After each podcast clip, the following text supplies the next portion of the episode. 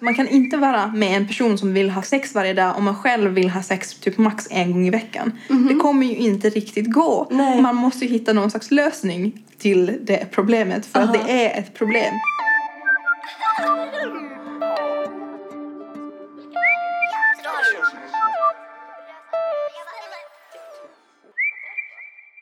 Jag heter Daphne Andas. Jag heter Sonja. Vi är Genuint, där vi pratar så genuint vi kan om relationer, vår egen roll i dem och hur vi utvecklas i relationer. Och nu tänkte vi prata om den lesbiska sängdöden. Finns den? Kanske den finns. Jag vet inte. Finns, Finns det- den i din säng? Alltså, jag Jag stör mig jättemycket på att man säger lesbisk sängdöd som att det vore någonting specifikt för lesbiska förhållanden. Ja, som att alla andra förhållanden skulle på något sätt vara liksom helt safe. Ja, lesbiska sängdöden är absolut ett begrepp som jag har eh, stött på väldigt mycket just där online och online-diskussioner och när, när man som en kvinna som eh, När man som är kvinna googlar runt lite Exakt. som man ibland gör. Exakt. Men det är en klassisk grej som jag tycker är en stereotyp. Typ att det finns vissa sådana här stereotyper av eh, kvinnor som har relationer eller förhållanden med kvinnor. Att sängdöden, eh, katter. U-hauling. Att de flyttar, alltså U-haul är ju en amerikansk flyttfirma. Okej. Och det finns ett begrepp i alla fall i den så amerikanska flattscenen Aha. som är U-haula. Som är att inom två månader från att man har träffats så bor man ihop. Okej. Och sen också typ att eh, alla känner varandra. Att alla har legat med, eller haft ett förhållande typ med eh, varandra. Eh, och Det har jag börjat förstå nu på senare år. Ja. Det tog ett tag. Men jag är ju inte från Stockholm från början. Men det här låter ju som att eftersom alla de här andra sakerna är typ sanna så då måste ju lesbiska sängdöden också vara sann. Men jag, jag tycker inte det. Eh, eller så här, jag tror att sängdöden finns. Jo, jo, men den behöver inte vara Men den är inte lesbisk. specifikt lesbisk. Nej. Eh, och min teori om varför man kallar det just för den lesbiska sängdöden är, precis som vi pratade om i tidigare avsnitt, eh, om det här med normen. Att man redan som lesbisk eller queer eller trans eller icke-binär, man går redan aktivt utanför en norm. Då är man kanske mer benägen att gå utanför fler normer. Det är det jag tänker lite grann. Så jag tänker att som hetero kanske du är mer benägen att göra det som förväntas av dig. Det vill säga att stanna kvar i en relation även om den borde ta slut. Även om du inte längre är kär. Så att du har redan valt att bryta mot vissa normer så då bryter du mot flera. Men att sluta ha sex och att sluta vara kär är ju ändå två kanske lite olika saker. Jag Jo, tänker absolut, också att, absolut. Men eh, vad betyder lesbiska sängdöden eller bara sängdöden till dig? Va, hur Jo, men du när, när du det? säger det så absolut, då hör jag ju vad du försöker så insinuera. Som är att sexlivet kanske dör innan. Eh, jag kan absolut säga att jag själv varit med om det. Eh, men då i mitt enda så heterosexuella förhållande. Vi var ju tillsammans väldigt länge. Eh, och där var det liksom som att det var ganska uppenbart att förälskelsen hade dött ut. Eh, men att vi fortsatte vara tillsammans för att vi var det. Vi hade någon slags vänskapsrelation. Eh, och vi bodde tillsammans. Det finns en jätterolig låt på det här temat av Simon G där han säger typ, där han säger jag gifte mig med henne för det verkade jobbigt att göra slut. Och jag har aldrig relaterat så mycket som till den låten. Ja. Men det jag tänkte säga någonstans är att eh, det behöver ju inte gå så. Det finns ju den hormonella delen. Det finns ju det här som är förälskelse. När man blir helt dum i huvudet. Ja. Eh, och sin kropp vill ha någonting. Ja, kroppen vill ha någonting, man vill verkligen ha den här andra personen, man vill veta allt om den här andra personen och man, är, man beter sig som en total idiot och gör vad som helst för den här personen. Eh, och den kan man dra ut på, till exempel om man har så distansförhållande till exempel, då kan du ju så dra ut på förälskelsefasen ännu längre. Men grejen är att man kan också tända upp den fasen igen. För det har jag åtminstone förstått att, att eh, säg att ni har varit tillsammans två år och de här hormonerna har gått eh, över och ni har kommit till en annan fas. Men eh, att kunna tända upp den igen, det kan man göra genom att eh, testa nya saker tillsammans, göra någon eh, ny aktivitet tillsammans och göra de sakerna. För att oftast i ett förhållande i början så gör jag det som gör det allt så himla nice är att allt som man gör är nytt för att det är med varandra. Och man testar kanske nya saker. Kanske och man det. gör väldigt mycket nya saker. Det finns väldigt mycket exempel på att om man aktivt, det här är typ vad sexterapeuter kan ge som ett råd. Mm. Att man aktivt försöker hitta sådana nya situationer att vara ett par i. Eller Ah, ja, man går på en dejt typ. Ja, exakt. Att man aktivt försöker göra de här nya Absolut, sakerna. och, och liksom, Och- jag, jag, jag hör dig och så, men det jag tänkte så här, komma till lite grann är typ att problematisera hela den grejen för att eh, jag, jag ser på kärlek på, på sättet att du kan vara, som jag sagt förut någon gång, typ att eh, du kan vara förtjust i någon, du kan vara förälskad i någon och det är förälskelsefasen vi pratar om nu, det som kan dö ut. Eh, men det som förhoppningsvis uppstår efteråt är kärlek. Men, men att man någonstans typ, trots att man inte längre är helt upp över öronen och dum i huvudet och hormon liksom knarkad. Eh, att man fortfarande älskar en person. Att man känner, det är först då jag tänker att man kan älska en person. Och jag tror att vi kanske nu för tiden är lite mera så här, konsumenter eh, överlag. Hormonkonsumenter. Ja men lite grann, men kick-konsumenter och att det är typ det som är hela drivkraften bakom typ datingappar. Eh, så att någonstans tror jag att, att sättet vi träffar folk på är annorlunda nu. Eh, och vi vill bara hela tiden ha den här förälskelsegrejen. Och så fort det börjar matta av, vilket är helt naturligt, det kommer att matta av.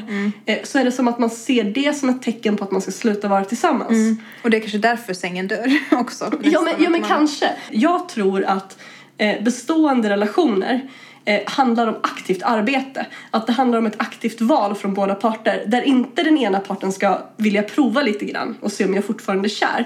Det är inte liksom det som är tanken utan att någonstans så här, ha, ha liksom ödmjukhet för att det här kommer matta av. Ibland kommer vi tycka mer om varandra, ibland mindre.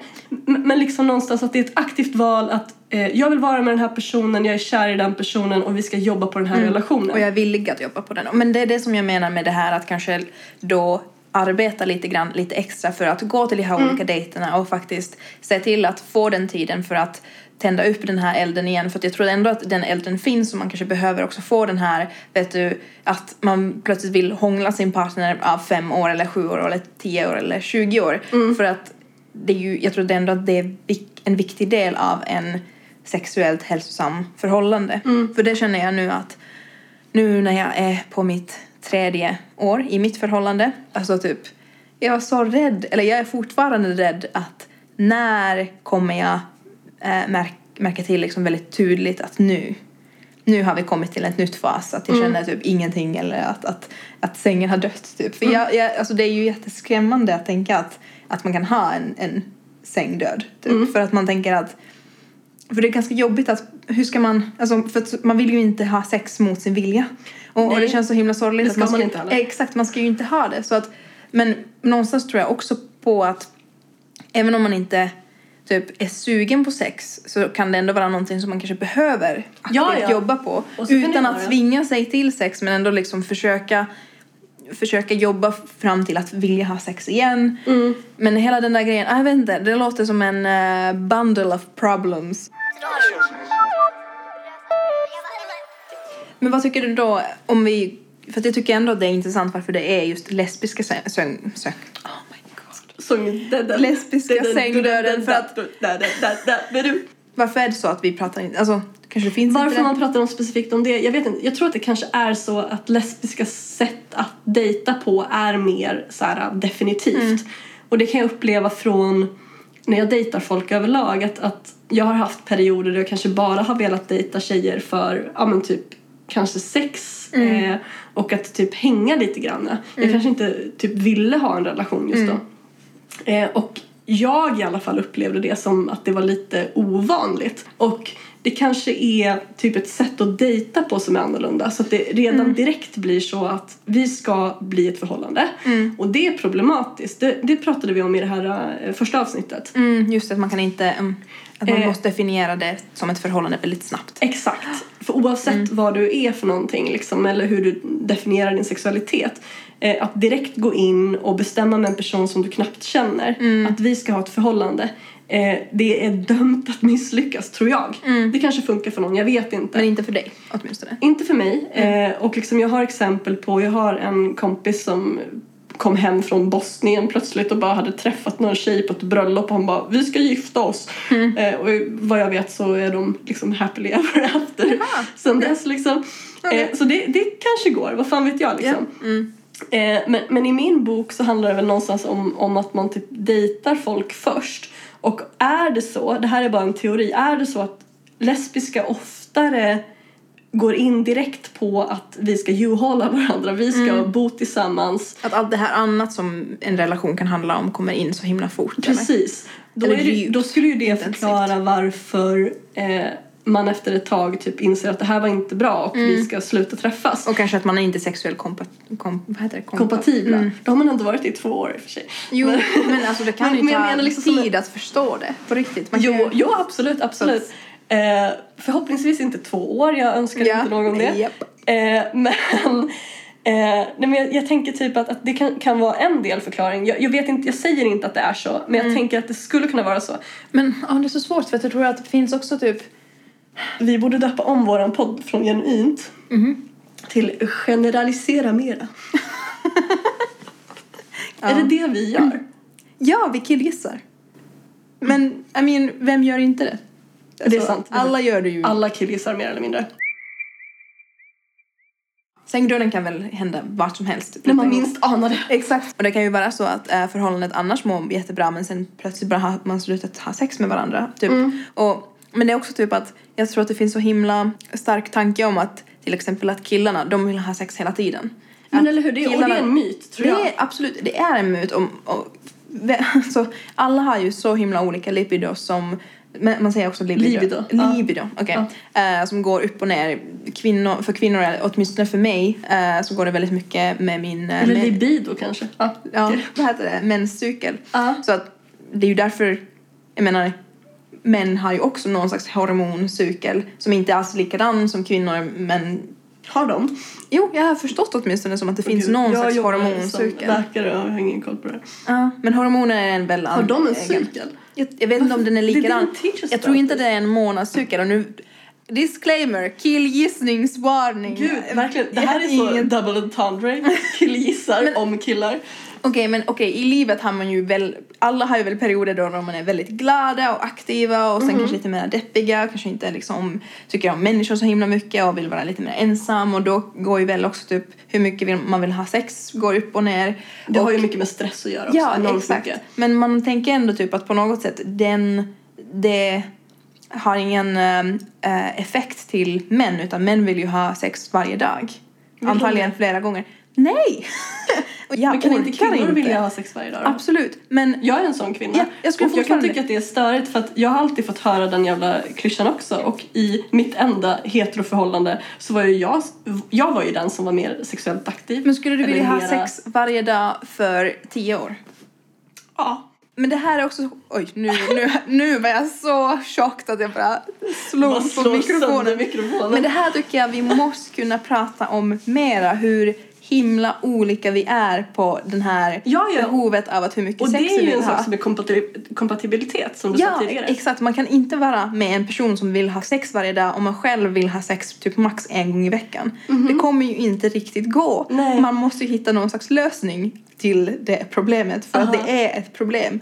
Man behöver alltså alla vill inte ha sex varje dag. Hur Men många- vissa vill det. Exakt, vissa vill ha det kanske två gånger om dagen. Kanske vissa. Antagligen. För att, Jag nämner inga namn men... nej men jag menar, och vissa, vissa vill ju inte ha alls sex. Vissa vill ju ha sex kanske en gång om året och vissa vill ha sex kanske med en person, kanske. Men jag menar, anyway. Så att sängdöden finns. That was beautiful. Så himla upprörd. Men, det, men jag tror att jag är, så, jag är ganska trött på att, att ha den här pressen och stressen om att ah, men man ska gå ut och vilja ha sex och hångla med alla människor. Men det håller jag med om. Ja, för att okej, exakt, du vill ju inte heller ha det så att jag tror att, men vissa kan vilja, vill kanske Ja men då får de göra det Ja. det är jättefint. Men alla behöver inte ha den här att Men jag känner att måste. jag får den pressen och jag har märkt att eh, just det här med att vara singel tycker jag är typ Jobbigt. jobbigt. fast bara i situationer när jag pratar med andra Ja. eh, som dejtar. För att om jag bara sköter mitt eh, och fokuserar som jag gjort nu, liksom Mm. sitter i fucking karantän och gör musik. då är det som att det är mitt minsta bekymmer. Men jag känner att typ, så fort jag börjar prata med andra då kan jag få ångest över det. För att jag känner att jag borde. Ja. Eh, och på samma sätt så kan jag få ångest av om jag kollar på tv-serier eller lyssnar på musik som, som hela tiden så glorifierar den liksom, livsstilen där enda poängen med livet är att du ska typ dejta jättemycket personer, du ska hångla med alla på alla jävla klubbar du går ut, du ska vara full varenda jävla fred. Alltså, Och inte bara att du borde göra det utan att du ska också typ att det ska vara norma, normalt att hitta eh, nöje från det. Att Ja, det är men- och som jag du gör verkligen... inte det. Nej, och det, det tror jag gör inte väldigt många. Och också typ, jag tror det här knyter till också typ att att vilken stress man har som ung person att ha sex, ha sitt första kyss Mm. eller dejta sitt första partner. Allt, allt det, alltså det kan ju vara en fruktansvärt stor stress. Mm. Och jag känner att eh, Alltså jag var typ 20 när jag hade mitt första liksom, kyss och jag tror Mm. det var väldigt bra för mig för att det var verkligen, jag var inte redo innan. Mm. Jag var inte, inte ens redo, jag var inte intresserad innan. Absolut, jag var intresserad på ett typ, vad heter det, analytiskt och teoretiskt nivå. men jag hade aldrig hittat någon person som jag verkligen bara kände att aha men okej men den här personen vill jag faktiskt. Mm. Jag för att det, det är ju en aktivitet som man inte kan göra ensam liksom.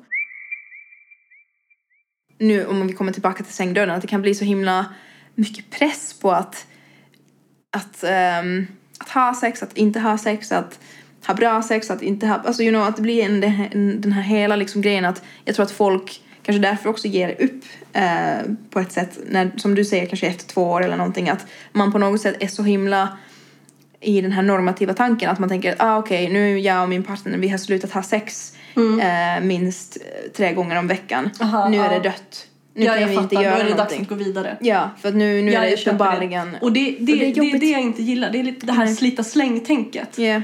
Eh, som jag inte tycker om. Eh, swipa fram nästa, swipa fram nästa. Japp. Det kanske finns någon bättre, kanske Ja. finns någon bättre, kanske finns någon bättre. Scrolla, scrolla, Om scrolla, man förväntar testa. sig att utan någon som helst ansträngning från din egen sida så ska du kunna ha en relation med en person där det kommer vara tipptopp hela tiden i resten av era fucking Ja, liv. Grow the fuck up! Ja. Alltså det, det är så här, för det första, jag, jag vet inte om jag tror 100% på så monogama förhållanden överlag liksom. Eh, Och vi pratade lite grann om det i första avsnittet liksom. Eh, Men, men- vill du ha det, vill du ha ett fucking monogamt förhållande med någon, då får du fan jobba för Ja, det. för att alla bra saker som man har i sitt liv är ändå att man behöver arbeta för dem. Eller typ, jag märker en grej som jag inte, jag säger inte att det här är dåligt eller, eller liksom något som jag inte gillar men jag har märkt nog att, att nu i mitt förhållande då som är liksom har gått över ändå den här första bli förälskad fasen har väl liksom, ja, vi har gått förbi den fasen. Eh, men alla kyssar som vi har inte magiska heller. You know, förstås. Mhm, I mean, obviously. Men det är ju också någonting som man bara fattar, ah okej, men nu blir det som att man typ, vad heter det, pat you other person on the back a little bit. Alltså bara, ja, bara typ det blir en väldigt så här, typ som en handshake. Alltså nu låter det ju riktigt dåligt det här. Men att, att skaka en hand med någon person som man gillar kan vara riktigt trevligt oavsett. Det är bara så himla naturligt att saker blir vardagliga men att då och då kan den här kyssen plötsligt vara någonting jättefint. Jag tror att det är just det här att det är lite intermittent. Därför Mm. det är så vi funkar. Vi, vi människor gillar ju intermittent belöning. Mm. Eh, och i början när allting är nytt då är det som att man är, man är inte så trygg i relationen. Man vet inte Mm. Ja. riktigt. Man är inte trygg på sig själv. Man vet inte vad man känner riktigt. Mm. Man vet inte om den andra personen besvarar det. Och det skapar spänning. Så det är spänning man känner. Ja. Osäkerhet eh, tror jag det är. Men sen när du börjar ta det lite granna på, vad heter det, ta det för givet. Ja. Då betyder det inte lika mycket. Ja. Eh, så att det man skulle i teorin göra då om vi ska köra på det här intermittentbelöning att man ibland bara ska upp, upp. Så här, när någon försöker kyssa en så backar man lite grann och bara du missade! Wow! Nästa gång kanske! Vem vet? Moa Svans historiska vingslag.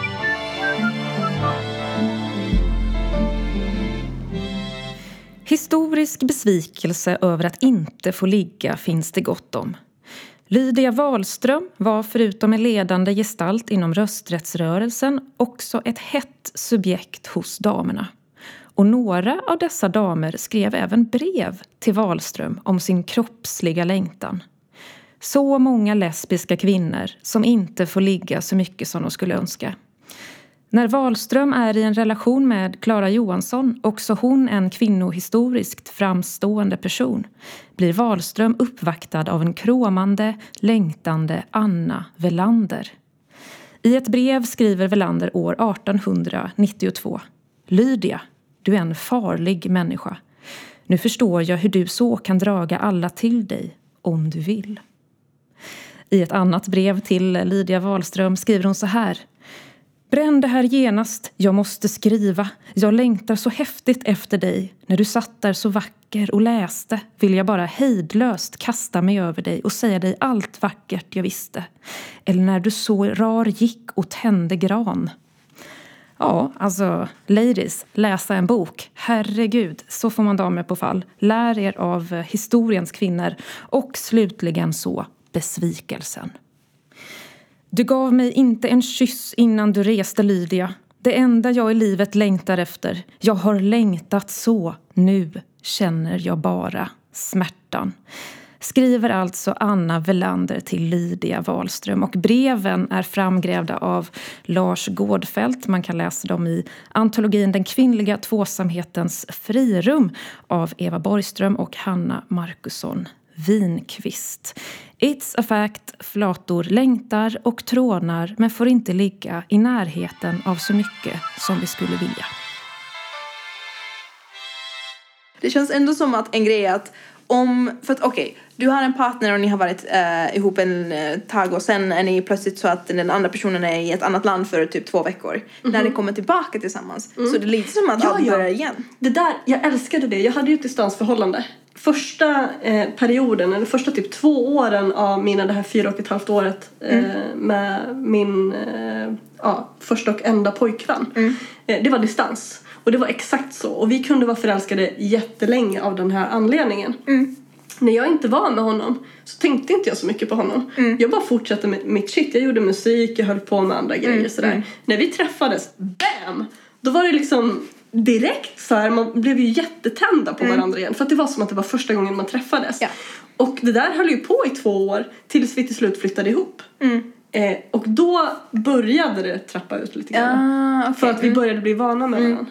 Och det kan ju vara så att i vissa förhållanden blir det sådär och då är det kanske att det finns ingen, ja, det finns uppenbarligen någon annan problem eller någon annan så här grund varför det inte fungerar. Men att i, Typ att man är lesbisk. det kan ju bli ett, ett litet, Det kan bli ett problem. ja det kan ju bli Det ett litet. Men just att man kan, jag tror att man kan ändå rädda sängdöden genom att eh, arbeta på det. Och det låter ju, ja, I don't know. Hur arbetar man på sängdöden? Alltså man, if you wanna hear the things that I've read. Ja, eh, för att jag har varit, berätta. som sagt, jag har varit riktigt rädd för att det här ska hända. För och jag fortfarande, ja. Det jag, låter som någonting som man får mardrömmar om. jag vet. Men just att, att kanske även schedule, alltså ha, att ha sex på en schedule, vilket låter också jättehemskt. Åh gud nej. Det, jag, kolla nu, nu låter du lite för negativ tycker jag. Okej, Men bring det it, är så får jag en- skjuta ner det. Alltså det är ändå en sån här sexterapeut-grej att man Aha. That don't impress me. om det blir väldigt illa, att man verkligen typ känner att man inte vill, alltså typ att det blir typ en eh, årsgap mellan att ni har sex. Oftast kan det också bli så att desto mer man har sex, desto mer vill man ha sex. Det kan jag hålla med om. Ja, alltså att, att om man liksom verkligen typ att man inte har sex, kanske två första veckorna är lite jobbiga, tredje veckan jobbig, men sen kanske blir man lite van. Och sen kanske vet man inte riktigt hur man ska starta motorn igen. Att man känner sig lite sådär kall och kanske lite sådär distanserad av att okej men jag vet inte, att, hur gör man? Alltså hur känner man? Jag, jag har, ja eller typ this man kollar bara bakåt och bara, "Ah, jag har ju klarat mig typ en månad så jag behöver ju inte, man kanske minns inte Gud vad jag inte kan relatera till det här. Men fortsätt gärna.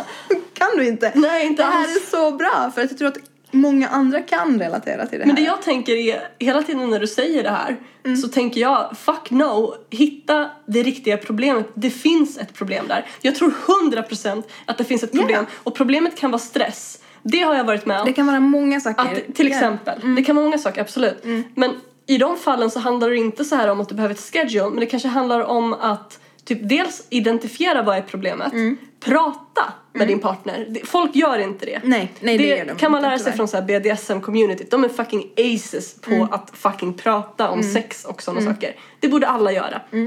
Så att identifiera vad problemet är, prata om det och sen kanske att är det så att det till exempel är stress som är problemet, att man kanske provar att först försöka typ så här slappna av lite grann. Typ en sån sak som att faktiskt få en massage av någon kan göra jättemycket. Att bara så här, komma ner lite grann i varv. Därför att det är klart som fan att om du är i flight, and, flight or fight mode, då är sex det sista som ska vara på ditt huvud. Så du behöver först komma ner från flight or fight. Och när du är där, då kanske du kan återuppväcka din sexualitet. Man kanske får barn.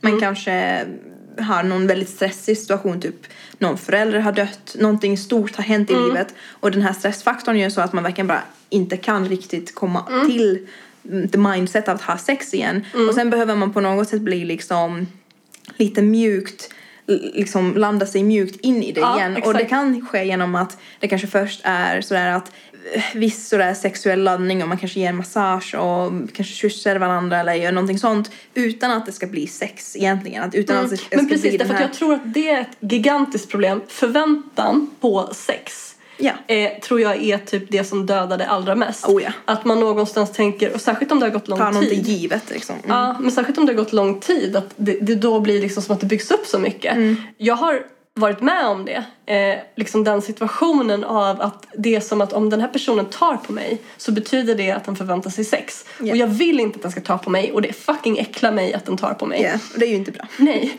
och då är det ju snarare så att identifiera det som ett problem och du kanske inte ska vara i den relationen då. Mm. Nej, nej. Eh, för att jag, jag tror inte att lösningen är så enkel som att bara schedule att Nej, ha nej. sex och försök. Nej, Därför nej, att gud nej. Och det fungerar kan- inte till alla. Nej, och ibland kan det handla om en sån sak. Mm. Som att det är för mycket stress och den här personen hanterar inte det här på ett Mm. bra sätt. Den här personen hanterar det på ett sätt som får mig att känna krav. Mm. Eh, och då ska du get the fuck out. Det tror jag i alla fall. Ja. Jag tycker alltså ett sätt som jag tänker att man kan eh, motverka sängdöden är just att, att, att förstås liksom hela tiden kommunicera, kanske försöka identifiera problem när, innan de har blivit väldigt stora också. Att kanske bara, aha okej men nu när det här har hänt det här grejen så känner jag mig inte lika så här, sexuell och jag vill inte kanske ha det här. Skulle det vara okej om vi den här veckan till exempel ehm, var annars liksom fysiskt intima och nära men att vi inte hade sex typ. Att, att, eller att skulle det vara okej om vi... Man behöver inte säga Nej, skulle man- det vara okej. Man kan bara säga att Jo, jag absolut. vill inte ha sex Nej, men jag tänker att jag tycker också att, att, att det finns, eftersom att det är ett förhållande så måste ju finnas någon kommunikation och ett liksom diskussion. Alltså inte som Ja, att ja. man, Men man det- ska det ska inte- göra... där- Därför att om personen då säger nej det är inte okej för mig.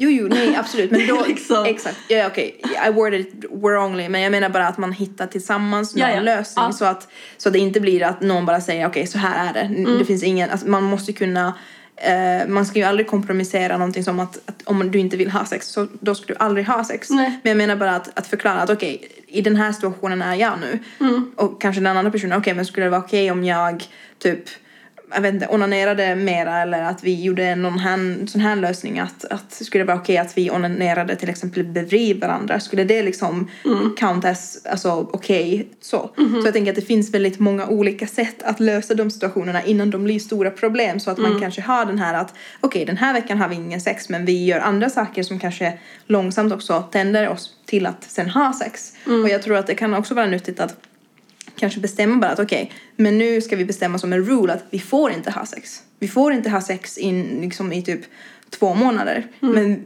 nu kan man också definiera vad är sex. Men vi får inte ha sex eh, i två veckor. Men vi kan göra allt annat. Vad är allt annat? Allt annat, ja exakt. det är ju det jag menar. Därför Ja, ja, ja. Men jag menar bara... så här heterotänk. Jo, det jag vet, så- jag vet. Men det menar jag inte. Utan nu menar jag att man kan kyssas, man kan liksom eh, smeka och så. Men man ska inte... ehm, hur ska jag säga? Alltså nu säger jag inte heller att, att alltid målet med sex ska vara liksom en orgasm. Men nu menar jag att om man nu bestämmer att man inte ska ha sex eh, så kan man liksom att man inte heller försöker alls bygga upp till en orgasm. Liksom. Hur menar du då? Att man inte alls liksom försöker få de grejerna på gång. För att det är en expectation menar? Ja, exakt. Och, man, och det här är mera typ av att det här är min tips. Ja, min tanke är väl att man tar bort pressen om att ha sex och kanske då blir det mera att man blir mera sugen att ha sex. Ja, ja. Ja, problem, alltså identifiera problem, kommunicera och kanske hitta en lösning till problemet och sen utföra. Löst